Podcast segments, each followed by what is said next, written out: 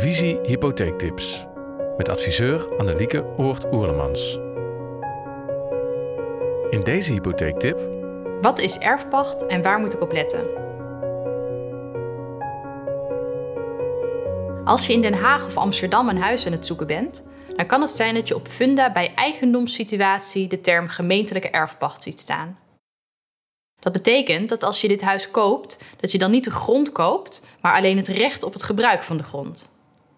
De grond zelf blijft in bezit van de eigenaar. Meestal is dat een gemeente. Die eigenaar gaat jou dan vervolgens kosten in rekening brengen voor het gebruik van die grond. Dit heet de erfpachtkanon. Als je het huis koopt, dan ga je dus ook een verplichting aan om die erfpachtkanon te betalen. En dat betekent dat je daardoor een minder hoge maximale hypotheek hebt. Een veilig ezelsbruggetje is dat je de jaarlijkse erfpachtkanon keer 20 in mindering moet brengen op je maximale hypotheek. Als je dus bijvoorbeeld 1000 euro per jaar verschuldigd bent aan erfpachtkanon, kun je ongeveer 20.000 euro minder hypotheek krijgen. De hoogte van de erfpacht loopt sterk uiteen.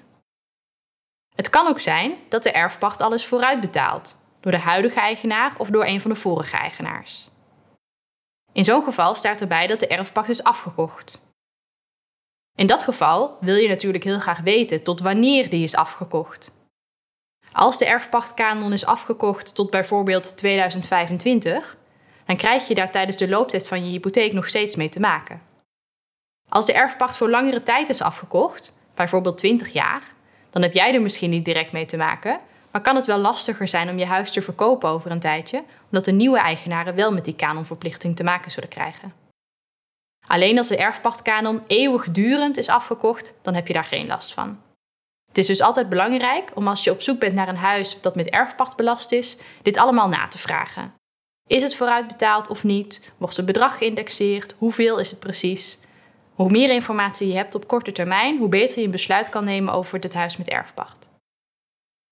Als de kanon nog niet is afgekocht, dan kun je overwegen om dat nu te doen bij de aankoop van het huis. Als je de erfpacht zelf vooruit betaalt, zelf afkoopt, dan kun je, als je genoeg inkomen hebt, dat meefinancieren in je hypotheek. Als je benieuwd bent naar de invloed van erfpacht op jouw maximale hypotheek, of je hebt een bijzondere situatie op het oog, zoals particuliere erfpacht, kijk dan op visie.nl of neem contact op met een van onze adviseurs.